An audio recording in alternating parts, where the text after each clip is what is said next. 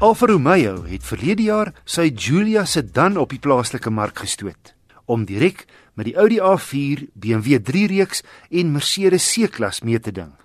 Die Alfa topmodel trek baie aandag wat met sy 375 kW Ferrari gebaseerde engine die BMW M3 ore aansit. Maar daar's ook twee meer besadigde modelle op die mark met 2 liter turbo petrolmasjiene. Van die twee het ek die dierder super weergawe gery. Die Giulia se hoofligte en omgekeerde driehoek sierrooster soortgelyk aan Alfa se nuwe Stelvio Sportnuts. Die Giulia is rondom sportief gestyleer en straal terselfdertyd so in Italiaanse elegansie uit. Waar hierdie Alfa wel 'n bietjie afsteek teenoor die Duitsers is, die materiale wat gebruik word in die binneruim, dis nie heeltemal op die hoë premium standaard van jou Audi, Mercedes en uh, eh, BMW nie. Waarvan ek wel baie hou is dat die sekere klassieke Alfa elemente in die instrumentpaneel en stuurwiel ingebou is wat gemeng is met moderne elemente en dit sorg vir 'n baie aangename ambiance hier uh, agter die stuur. Ruimte in die kajuit is goed, maar bloot gemiddeld hier in die bagasiebak plus hier's geen spaarwiel nie.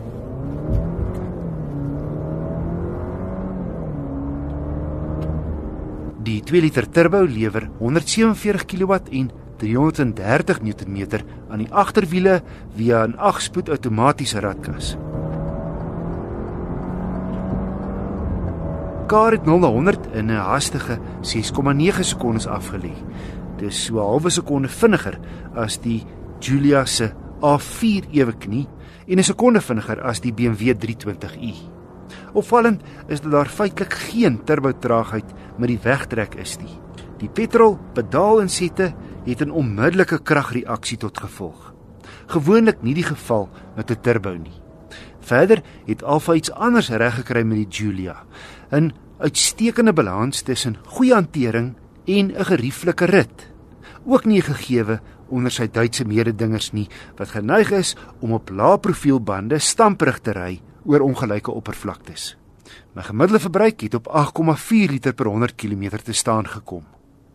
Wat nie in die Julia Super se gunstel nie, is die feit dat hy teen 625 000 rand sowat 70 000 meer kos as sy Duitse mededingers.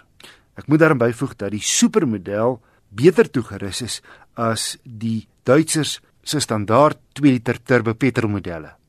Wat die Julia spesiaal maak, is 'n uitstekende masjien en in terme van dinamika troef hy die Duitsers. Kortom, die Alfa is meer pret om te bestuur en is 'n interessante alternatief vir die soms te kliniese Duitsers.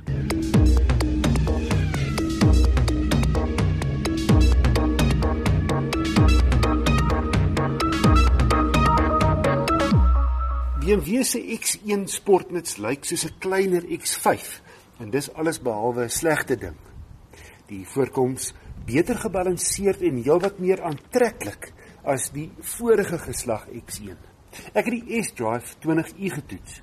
Nou, S-Drive is BMW taal vir voorwielaandrywing. Ja, puriste mag dit aardig vind, maar die goedkoopste 5 modelle kom in S-Drive en verteenwoordig 'n stuk of 70% van die X1s wat plaaslik verkoop word. Die duurste modelle is vierwielaandrywing en word X-Drive gedoop. Binne stel die X1 nie te leer nie as 'n BMW. Stylvol, goed afgewerk en alles voel net reg vir die bestuurder behalwe die sitvlakgedeeltes van die voorste sitplekke.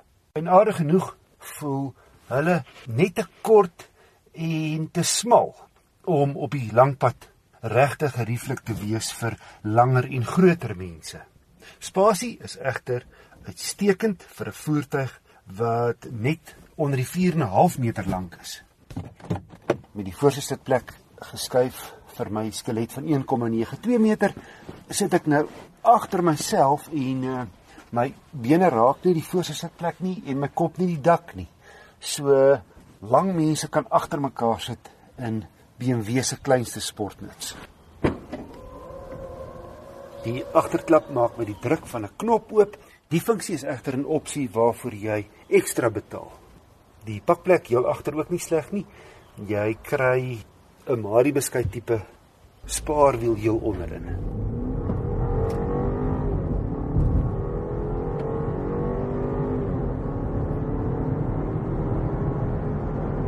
S-Drive 20e is met 'n 2 liter turbo petrol toegerus wat 'n gesonde 141 kW en 280 Nm wrinkrag uitskop, gekoppel aan 'n 7-spoed outokas.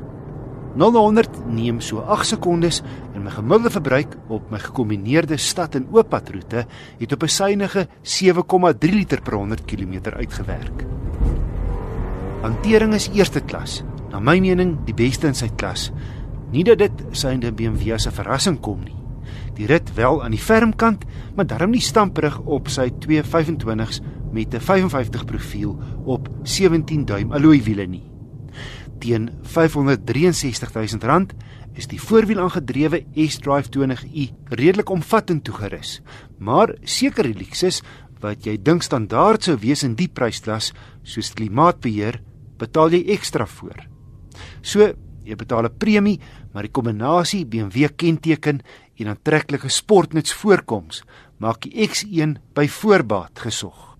So gewild is BMW se sportnutse dat die X1 se groter broer, die X3, nou plaaslik vervaardig word in die plek van die 3 reeks sedan. As jy nie die X3 se groter spasie nodig het nie, maak die X1 prysgewys baie sin. Die reeks begin net onder 'n half miljoen terwyl jy 'n stywe 688 000 bokke benodig vir die goedkoopste X3.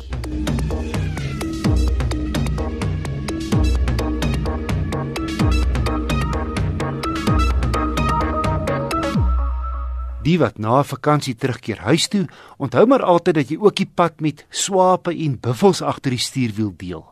So, hou jou kant skoon. Rob and Phil Jones van driving.co.za sê mense moet veral in die nag bedag wees. Onthou as jy saans ry, hoef 'n mens net na Suid-Afrikaanse wetgewing te gaan kyk wat bepaal hoe ver mag jou hoofligte skyn en dit sê dat jou dompligte nie verder as 45 meter voor jou mag skyn nie. Nou teen 120 km/h doen jy 33 meter per sekonde. So met met ander woorde 45 meter is 'n sekonde en 'n half. Dis byna jou reaksietyd. So as jy op dompligte in die aand ry, dis basies so goed as jy asof jy met 'n blinde doek om jou kop ry.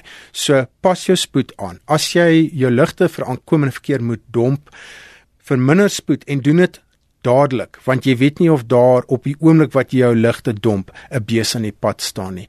Ook iets anders wat mense gedagte moet hou. Baie mense wat lank pad ry gaan vind dat hulle aan die einde van die dag gaan ry wanneer die son laag lê in die lug en as die son agter jou lê is dit nie 'n probleem nie want jy kan die pad mooi voor jou sien, maar nou moet jy daaraan dink dat almal wat op jou afkom het die son in hulle oë. So, hoe maak jy daarvoor voorsiening? Verwag jy dat die ou dalk geblind gaan wees en dalk aan die verkeerde gaan, kant van die pad gaan beland? Rob Hanfield Jones, die bestuurende direkteur van driving.co.za.